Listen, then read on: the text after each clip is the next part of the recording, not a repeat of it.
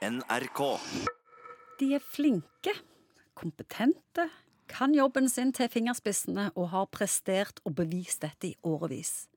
Men til tross for dette går de rundt og er redde for at folk skal avsløre at de egentlig ikke kan noen ting. Psykolog Egon Hagen, de har bedragersyndromet. Og hva er dette for noe?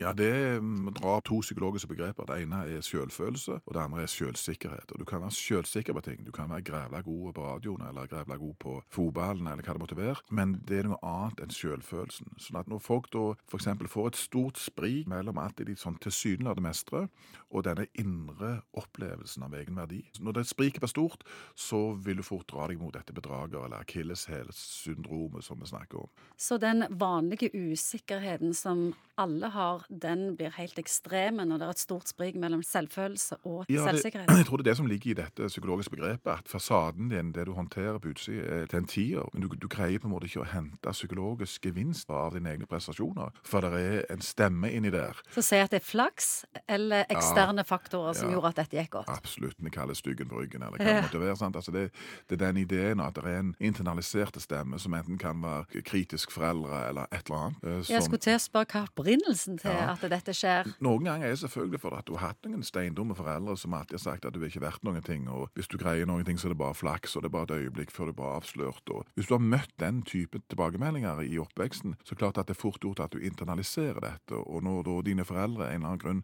enten at du flytter eller at de dør, når det- tar slutt dette, så fortsetter du der som de slapp, med å si de samme tingene til deg sjøl. Går det an å fikse på den tankegangen, eller er du stuck i det sporet Nei, det, resten av livet? det der går an å fikse. Da er det på en måte få fatt i den stemmen. Altså, for noen er jo sånn at eh, Jeg har møtt det for eksempel i forhold til noen pasienter som eh, er smarte og oppegående, men de velger bare notorisk feil. De velger den ene slauren etter den andre, og de gjør dumme ting. Og så er det, Hva er den grunnleggende antakelsen din som gjør at du gjør det? Og Hvis du da tenker at du basically er bare dritt, ikke verdt noen ting, så vil det fuele alle disse valgene dine. Og selv om du forstår at dette ikke er lurt som på overflaten, så ligger denne indre stemmen din og skriker til deg, gjør at du aldri får det bra. For du fortjener jo ikke å få det bra.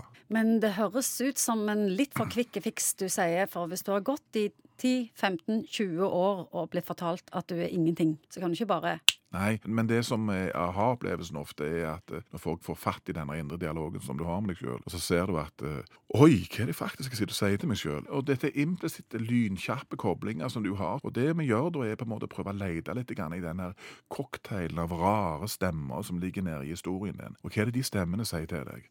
Og de stemmene har vært der så lenge at du nesten ikke vet at de er der. De er nesten bare som en sånn resonansboks, en gitarkasse som egentlig alt farges av. Og så er det på en måte å prøve å nøste fatt i disse ja, Hva er det som ligger i disse stemmene? Og så tar vi det derfra. Og selvfølgelig er det ingen quick fix, så det tar tid, og vi trener på det. Og, men det er akkurat som hjernen og disse koblingene våre, de går det òg an å trene på samme måte som du kan an trene biceps og kvadriceps og hva de heter alt. NRK.